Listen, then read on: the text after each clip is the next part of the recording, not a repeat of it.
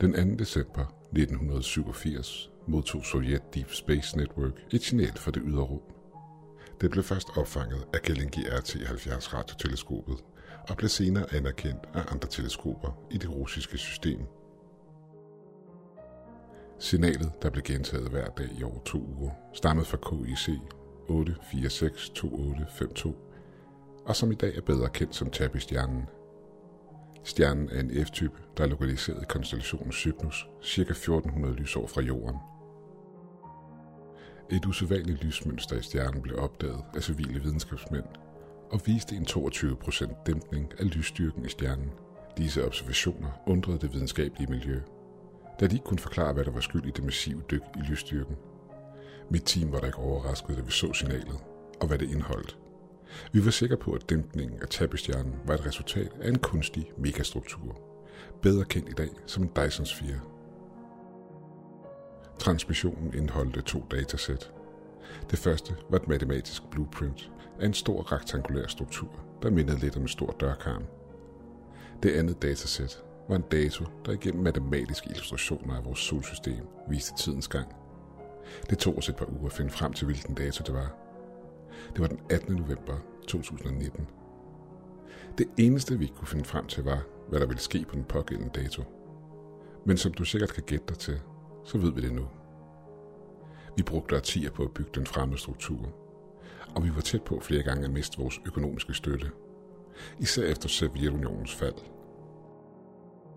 Langsomt, men sikkert fortsatte vi fremad, og på samme tid som tabestjernen begyndte at dukke op i medierne, blev vi færdige med byggeriet. Den så fantastisk ud. En gigantisk port, der stod i centret af vores sibiriske base midt ude i ingenting. Den havde ingen synlige fremhævninger. På net hul i toppen, som bestod af millioner af indviklede kredsløb, der alle blev nedkølet til minus 230 grader af en atomreaktor. Selvom hele vores base føltes så koldt som antarktisk, ikke bare på grund af det enorme køleanlæg, men også på grund af det barske vejr, så svedte jeg, da det blev tid til at tænde for strømmen for allerførste gang – men intet skete. Lige meget hvad vi prøvede, så kunne vi ikke kun til at gøre noget. I flere år kunne vi ikke gøre andet end at bare observere den. Det var skuffende. Især efter alt det arbejde, vi havde lagt i den. Vores sidste håb var den mystiske dato. Og alt ændrede sig, da datoen endelig faldt. Mandag den 18. november 2019 kl. 23.54 ramte et objekt jordens atmosfære over Stillehavet. For de utallige uvidende astronomer omkring i verden var objektet identisk med en meteor. Men vi vidste bedre. En type L-ubåd blev sendt afsted med mig og resten af mit team ombord. Objektet landede på en lille ubeboet ø ud for New Zealands kyst. En ø med navn Disappointment. Det føltes surrealistisk at gå for bord og ikke vide, hvad for en fremmed objekt vi ville finde – det var omkring skumring, da vi ankom til øen, og fuglene sværmede over øens vindblæste klipper, som om de ventede på, at noget skulle ske. Vi fandt objektet ind i et krater. Objektet var kuglerundt og på størrelse med en poolball. Dens overflade lignede den struktur, vi havde bygget i Sibirien, men i forhold til vores struktur var overfladen på dette objekt aktivt. Det tog en del tid for os at forstå, siden dens aktivitet kun var hørbar. Stille råbte til soldaterne, der netop var kommet i land. Prøv lyt. Ingen rørte sig, imens vi stod på toppen af krateret. Der var et ekko. Et ekko af fødder, der langsomt trak sig hen over en overflade. Lyden stammede fra et sted inde i kuglen. Det lød ikke som en optagelse. Det lød mere som noget, der skete foran os, hvis det giver mening. Skridtene stoppede et kort øjeblik, og fortsatte så, imens de langsomt fadede væk. Efterfølgende var alt, der kunne høre skrigende fra fuglene, der fløj hen over hovederne på os. En modig soldat meldte sig frivilligt til at røre objektet, så vi kunne fastslå, om den var sikker, og efterfølgende flytte den til ubåden. Den så tungere ud, end den var. Som om den var hul. På turen tilbage til Rusland sad ved siden af objektet og lyttede. For det meste var den stille, men fra tid til anden kunne jeg høre ekkoet af noget, der mindede om metal, der skrabede imod metal. Selvom jeg kunne forklare, hvad det var, jeg hørte, eller hvordan jeg hørte det, så føltes det ildevarslende. Tilbage på den frostkolde base opdagede vi, at kuglen passede perfekt i hullet af toppen af strukturen, og det var den sidste brik i puslespillet, der havde taget så mange år at fuldføre. Den har rejst igennem rummet i over tusind år, fortalte min kollega og gode ven Dimitrios. Selvom jeg allerede vidste det. Alexander, sagde han, imens han så op på mig fra sin rullestol. Hørte du virkelig skridt? Jeg nikkede. Fantastisk, sagde Sonja, vores chefingeniør. Tusind år gamle skridt for aliens. Jeg rømmede mig kort og afbrød hende. Jeg er ikke sikker på, at det er optagelse, sagde jeg, imens jeg kiggede på min kollegaers nervøse blikke. Der har ikke været nogen gentagelser. Hver en lyd, vi har hørt, har været unik. Og der har været flere timer imellem hver lyd. Hvad er det, du prøver at sige, spurgte Dimitri, med en forventning om at få et svar tilbage, der overgik vores vildeste fantasier. Det er bare en tanke, en hypotese. Vi skulle måske overveje, at lyden har noget med den sorte kugles funktion at gøre. Strukturen, vi har bygget, er tydeligvis en port, og dette objekt vil, som I sikkert alle sammen tænker, åbne denne port og forbinde vores verden med deres. Så du siger, at den her kugle allerede er forbundet til? Sonja gjorde ikke sætningen. Jeg bed mig nervøst i læben, imens jeg prøvede at samle mine tanker. Hvis jeg skulle komme med et bud, vil jeg sige, at den er forbundet med et identisk objekt på den anden side af det her kvantelevel. Og på en eller anden måde tillader den også at høre, hvad der sker tusindvis af lysår borte i real time. Selvom vi ikke har den rette viden om, hvordan, så tror jeg, at det er igennem kvantefysikken, at kuglen vil tillade os at rejse til. Måske kun på et øjeblik, hvis vi placerer kuglen i toppen af hullet på strukturen. Vi følte alle presset at menneskehedens skæbne hvile på vores skuldre.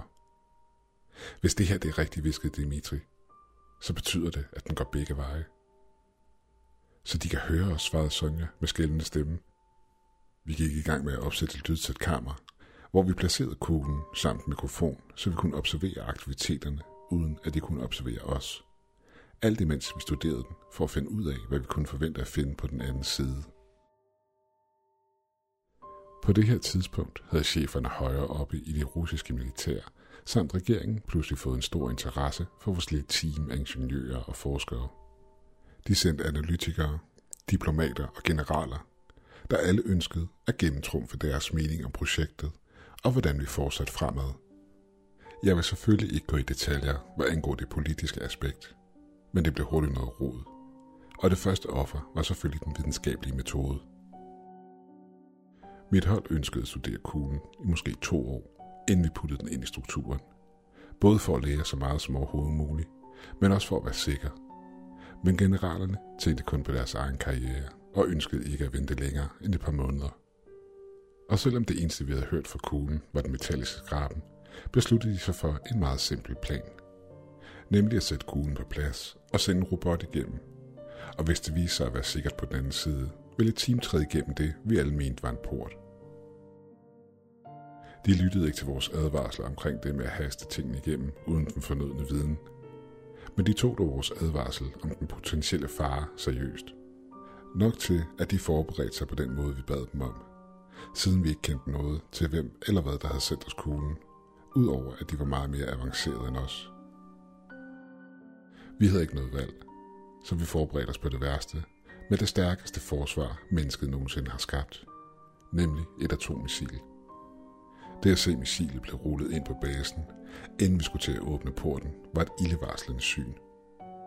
Hvis noget fjendtligt trådte igennem porten, ville den blive aktiveret og ødelægge alt i området. I midten af juni i år blev kuglen løftet op til toppen af strukturen. Jeg stod ved siden af Dimitri og resten af holdet på gulvet. Alarmerende tæt på det armerede missil. Jeg så på den unge soldat, der stod ved siden af missilet, og som havde fået ordre om at trykke på knappen, hvis tingene skulle gå helt galt. Jeg spurgte mig selv, om han var klar til at dø så ung en alder. Hvis ja, hvilken mod? Hvis ikke, hvilken dumhed? Strukturen var omringet af militærvagter og deres hunde, imens generalerne stod i et observationstårn et par hundrede meter væk. Robotten, der skulle igennem, var en rover, der var blevet sendt til os fra Roskosmos. En kvindelig stemme talte igennem basens højtalersystem. Det havde måske været en mulighed at undgå larm omkring kuglen. Men siden vi var blevet beordret til at fortsætte missionen så hurtigt, vil alt der blev sagt på vores side, plus instruktionerne, kunne høres på den anden side. Det var risikabelt, for at sige det mildt. Som forventet passede kuglen i hullet på toppen af strukturen. Vi vidste ikke, hvad vi kunne forvente, men vi regnede med, at noget ville ske. En stillhed faldt over os alle. Jeg tog næsten ikke træk vejret, men intet skete. I et kort øjeblik troede vi, at noget var gået galt. Men så begyndte hunden at gø som vildt dyr. Det fik hårene i min nakke til at rejse sig, for det betød, at der var sket noget. Vi kunne bare ikke se det. En af hundene trak sig løs og løb op mod porten. Soldaten, der havde ansvaret for den, løb efter, imens han råbte til den, at den skulle stoppe. Men hunden lyttede ikke til ham. I det hunden løb igennem porten, forsvandt den ud i ingenting. Et kollektivt gisp kunne høres i hallen, efterfulgt af en nervøs mumlen. Porten var uden tvivl åben. Rejste den hund lige tusindvis af lysår, spurgte Dimitri tøvende. Ingen af os sagde noget i flere minutter, imens vi alle lyttede efter hunden på den anden side. En skratten i højtaleren afbrød stilheden, og en af generalerne sagde med autoritet i stemmen, Send robotten igennem. Robotten forsvandt på samme måde som hunden. Vi kiggede alle på skærmen, der hang på væggen, og som var forbundet med robotten igennem et kabel, der nu så ud til at hænge frit i luften. Et brag lød pludselig fra den anden side af porten, og igen stod vi alle i stillhed. Angstfyldt sank jeg en klump i halsen. Vi diskuterede, hvad der kunne være sket, men der var selvfølgelig ingen måde, hvorpå vi kunne vide det. Det blev foreslået, at robotten måske var væltet ved et uheld, og uden nogen form for grund overbeviste vi os selv om, at det var det, der var sket.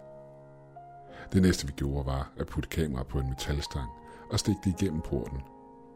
Et par minutter efter trak vi kameraet tilbage, og endelig fik vi det allerførste glimt af, hvad der lå på den anden side. Optagelserne var utydelige og svære at se, som om de var blevet udsat for en eller anden form for radioaktivitet, selvom vi ikke fandt spor efter det. Men det var tydeligt, at der var et stort åbent område på den anden side. Jorden var for flad til at være naturlig, og langt ude i horisonten var der skygger, der indikerede strukturer. Men intet af det, vi så, gav os nogen forklaring på, hvad der var sket med hunden eller robotten. De var ikke at se nogen steder. Jeg måtte diskutere længe med generalerne om at lade Dimitri join det hold, der skulle sendes igennem porten. Generalerne mente, at det han sad i rullestol kunne være en sikkerhedsrisiko for resten af teamet. Jeg fik heldigvis overbevist generalerne om, at hans ekspertise i eksebiologi var en absolut nødvendighed for teamet. Det var ikke helt sandt. Efter hans uheld med Sonjus TM5, der havde sendt Dimitri i rullestolen, havde han brugt al sin tid på vores projekt. Jeg ville kæmpe med næb og klør, for at min bedste ven og kollega så frugten af alt vores arbejde. Så jeg hjalp ham med at få rumdragten på.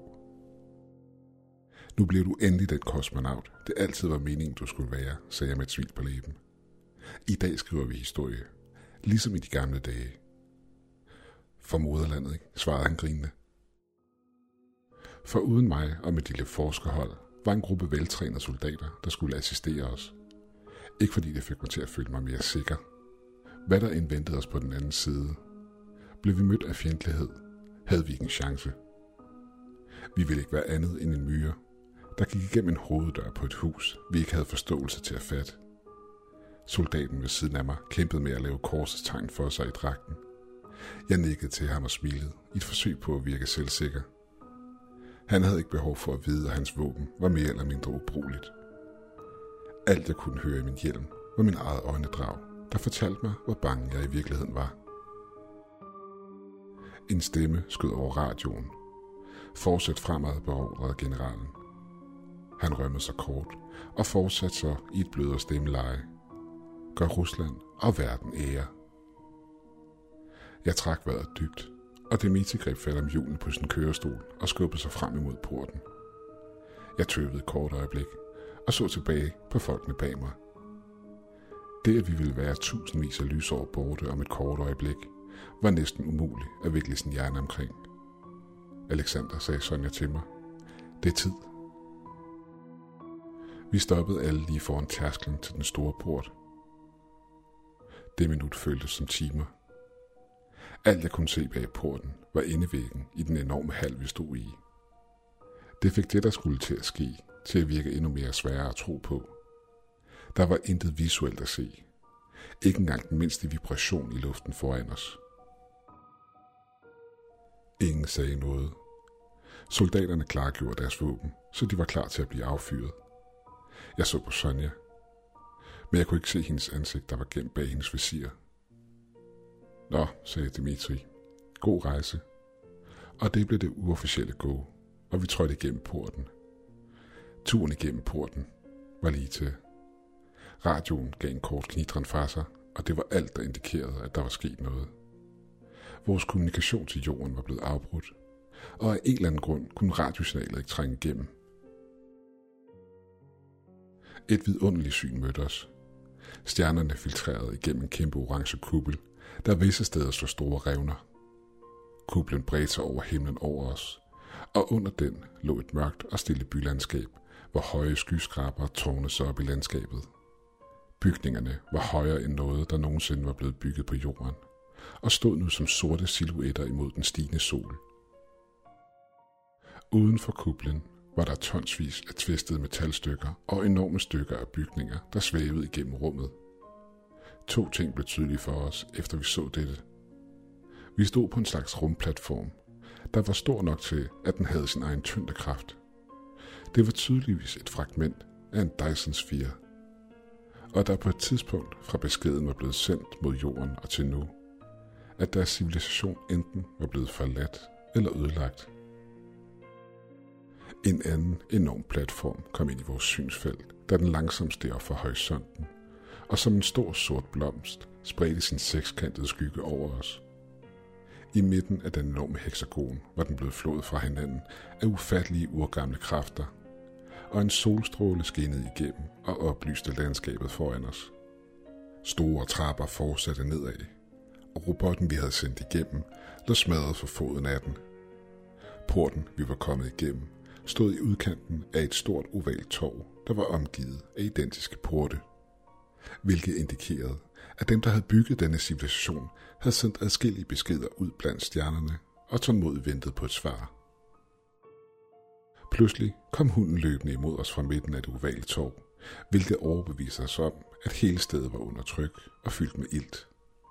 Dertil vores sjælmage var ikke en mulighed, siden vi ikke vidste, hvilke andre gasarter der måtte være, for slet ikke at tale om ukendte bakterier, der måtte skjule sig i den kunstige atmosfære. Vi begav os ned ad trappen. Vi undersøgte robotten, og det var tydeligt, at den var faldet ned ad trappen, som vi havde gættet på. Men der var også et sæt små huller i siden, vi ikke kunne forklare. Jeg har en dårlig fornemmelse med det her sted, sagde Dimitri. Jeg mener, hvad der er sket her? Alle de her porte, sagde Sonja, der bare venter på at blive forbundet til fjerne verdener. Se, sagde jeg og pegede på en af portene i den anden ende af det ovale torv. Den der, den er ødelagt, som om den er blevet sprunget i luften. Selvom hver et fiber i min krop fortalte mig, at jeg skulle forlade det her sted og vende tilbage til jorden, overvandt min videnskabelige nysgerrighed min frygt. Porten var i ruiner, og efter udseende at dømme var det resultatet af en eksplosion. Jeg vendte mig om og kiggede på porten, vi var kommet ud af. Den stod anonym blandt de mange andre porte. Hvis der sker noget med den, vil vi være strandet her, længere væk fra jorden, end noget andet menneske i hele menneskehedens historie. Alexander hørte Demise kalde over radioen. Han var et par hundrede meter fra mig. Se lige det her. Spredt ud over et stort område lå store knogler. Sonja hjalp os med at indsamle nogle af de mindre stykker knogler, imens soldaterne patruljerede området. Knoglerne var fyldt med hundredvis af små huller, som om de på et tidspunkt var blevet spist orme. Det her, det ligner en del af kraniesager, imens jeg pegede på et stort knoglestykke på størrelse med en gravsten. Hvor fascinerende. Det kan måske forklare størrelsen på porten, sagde Dimitri. De har måske brugt deres egen størrelse som reference, da de byggede dem. Jeg har muligvis en teori, svarede Sonja. Alle de her porte, de må have bygget dem for at tage kontakt til potentielle civiliserede verdener. Men den ødelagte port her, tror du den er kollapset på grund af naturlig citage, spurgte jeg. Måske inviterede de noget fjendtligt, svarede hun. Noget, der var mere magtfuldt end dem, der byggede det her sted, spurgte Dimitri. Jeg trak vejret dybt. Hvis det er tilfældet, svarer jeg, så er spørgsmålet, hvad der skete med dem, der ødelagde det her sted? Jeg tror heller, vi må vende tilbage. Vi blev afbrudt af soldaterne, der råbte, at vi skulle søge tilflugt bag dem. Fra en af de brede veje, der førte ind på torvet, trådte en skabning ud fra mørket. Den haltede langsomt frem imod os, og jeg forstod med det samme, at det var her lyden, vi havde hørt igennem kuglen stammede fra. Den havde en tynd og grå krop, der var fyldt med blodige huller. Den store hoved bar lighed til fossilerne, vi havde fundet på jorden, og var dækket af ti eller flere øjne spredt ud i ansigtet. Ingen næse eller mund, kun de mange blinkende øjne. Den bevægede sin lange arm på en måde, der så ud som om den prøvede at gemme os væk. Men det var umuligt at sige, om den var fjendtlig. Jesus Christ, udbrød Dimitri. Det her det er forkert. Please, Alexander, før mig tilbage til porten. Hunden gød som en sindssyg, og soldaterne gjorde sig klar til at skyde i ren panik. Jeg greb Dimitris kørestol og instruerede alle i, at de skulle vende tilbage til porten. Men inden vi fik set os om, faldt skabningen om på jorden. I et par minutter stod vi bare i stillhed og stirrede på den. Følelserne fra tidligere vendte tilbage og blev blandet sammen med fornemmelsen om at blive overvåget. En pludselig bevægelse spredte sig igennem den døde skabningskrop, og til vores rædsel begyndte små væsener at bryde ud gennem hullerne i dens hud og øjne. Skabningerne, der væltede ud af væsenets mange huller, mindede mig et kort øjeblik om et kæmpemæssigt tusindben. Den største af dem tvang sig langsomt ud af munden på den. I samme øjeblik åbnede soldaterne ild imod de mange nye skabninger, der væltede frem. Rumdragten gjorde det mere eller mindre umuligt at løbe. Og det var ligesom når man løber i et mareridt, hvor man ikke rigtig kan sætte farten op, lige meget hvor meget man prøver. De nyankomne væsner for i vores retning, og jeg så en af de mindre skabninger kravle ind i en af soldaternes rumdragt, hvor den tvang sig ind igennem hans mund og ud sig vej ud igennem en af hans øjenhuler. En større skabning snodede sig om hans visir og knuste det, samtidig med at den rev hovedet af ham, med dele af rygsøjlen stadig hængende under hans hoved. Jeg løb ikke. Ikke for at redde mit liv, eller for at redde mit vens liv. Mest fordi jeg vidste, at på den anden side af porten ventede os atomudslettelse. Jeg løb for at redde menneskeheden fra den fare, der havde udstillet denne verden, hvor flere og flere skabninger var kommet til for at deltage i jagten på os. Nogen så store som tog var endda dukket frem for de mørke skygger. Hunden løb foran os alle og var den første til at nå porten. Dimitris kørestol væltede i det, vi skulle prøve at slippe den op ad trappen. Nogle af væsnerne løb forbi os. De var tydeligvis mere interesserede i at komme igennem porten, end de var i at dræbe os. Jeg bukkede mig ned og rakte en hånd frem til Dimitri. Sonja kom op til mig med det samme, og vi fik Dimitri tilbage i kørestolen. Flere og flere væsener væltede igennem porten. Der var intet, der tydede på, at bomben på den anden side var blevet sprunget. Hvorfor har de ikke detoneret atombomben, råbte jeg fortvivlet. Da der ikke var nogen måde at åbne hjelmens visir på, og ingen tid at spille på at tage hjelmen af, smadrede jeg visiret mod trappen under mig og råbte så højt jeg kunne imod porten. Spring den! Fucking kujoner! Spring den! Sonja hjalp mig med at trække Dimitris kørestol op ad trappen. Efterlad mig her, sagde Dimitri. Hold din kæft, svarede jeg. Jeg efterlader dig ikke her med de her skabninger. To soldater løb forbi os, og en nåede igennem porten. Men sekundet efter blev hans hovedløse krop kastet tilbage igennem porten til os. Sonja skreg og slap kørestolen. Hun greb om hjelmen i et desperat forsøg på at få den af. Men der var ikke tid. Skabningen åd sig ind gennem hendes øjne og ind i hendes hjerne, hvilket fik hende til at kaste op i vildskab, indtil hun faldt død om ned ad trappen. Det var et mirakel, at jeg slap igennem porten med Dimitri. Kaoset, der mødte os. Jeg kan ikke engang beskrive det.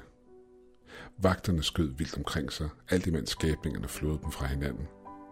Soldaten, hvis opgave det var at springe missilet, var ingen steder at se. Højst sandsynligt fordi de havde forladt deres post, så snart den første skabning var kommet igennem porten. Alt på nær et par, der lå døde på gulvet, var generalerne ingen steder at se. Men jeg kunne høre helikopterne lidt udenfor, så det var ikke svært at gætte, hvor de sidste generaler var blevet af. Glasset i visiret skar mig i brystet i det, jeg løb igennem kaoset med Dimitri på slæb. Jeg kunne høre ham igennem min radio i hjelmen. Efterlad mig her ved siden af missilet, sagde han. Hvad snakker du om? svarede jeg, selvom jeg allerede vidste, hvad han ville. Der er ingen grund til, at vi begge bliver her, svarede han. Alexander, red dig selv. Der er ingen af os, der slipper ud herfra, hvis det lykkes for os at springe bomben. Prøv, sagde Dimitri. Du kan gå. Det kan jeg ikke. Jeg stoppede ved siden af missilet, uden at vide, hvad jeg skulle sige. Jeg køber dig lidt tid. Men mindre de kommer for tæt på, sagde Dimitri. Der er ikke tid til at sige farvel, min kære ven. Bare løb. Så det gjorde jeg, alt imens tårer og skam slyrede mit udsyn. Det lykkedes mig at komme ind i en af helikopterne, lige inden den lettede. En af generalens kone sad i den, med hendes lille dreng, der efter alt at dømme var kommet med til trods for, at det var imod protokollen. Bare så han kunne se historien udfolde sig. Han så ud til at være i chok. Men det lød til, at han blev holdt i ro af hunden, der lå foran hans fødder. Du redde hunden, sagde jeg, imens jeg prøvede at smile, i det helikopteren lettede. Du er en helt ung mand. En virkelig helt. Under os blev basen mindre og mindre i det vi steg op. Jo længere væk vi kom, jo mere bekymret blev jeg over, om skabningerne havde fået fat i Dimitri. Men to kilometer fra basen blev vi overvældet af et lysglimt fra atombomben. Jeg husker ikke så meget efterfølgende. Jeg tror, chokbølgen var ramt os hårdt. Jeg vågnede op på et lille lokal hospital. De fortalte mig, at de havde fundet vraget af helikopteren i en nærliggende dal. Drengen og hunden havde overlevet styrtet, mens moren og piloten ikke havde. Landsbyboerne havde set padehætteskyen, men udover dem havde ingen set eksplosionen grundet den øde beliggenhed. Dog var der blevet målt en øget radioaktivitet over Skandinavien et stykke tid senere. Regeringen fortalte selvfølgelig ikke nogen om grunden til dette, og jeg troede fuldt og fast på, at alt ville vende tilbage til normale tilstande, efter vi havde nægtet væsenerne adgang til vores verden. Men i sidste uge fik jeg fortalt, at hunden fra helikopteren var kollapset udenfor i haven hos drengen. Den var blevet fundet med manglende øjne.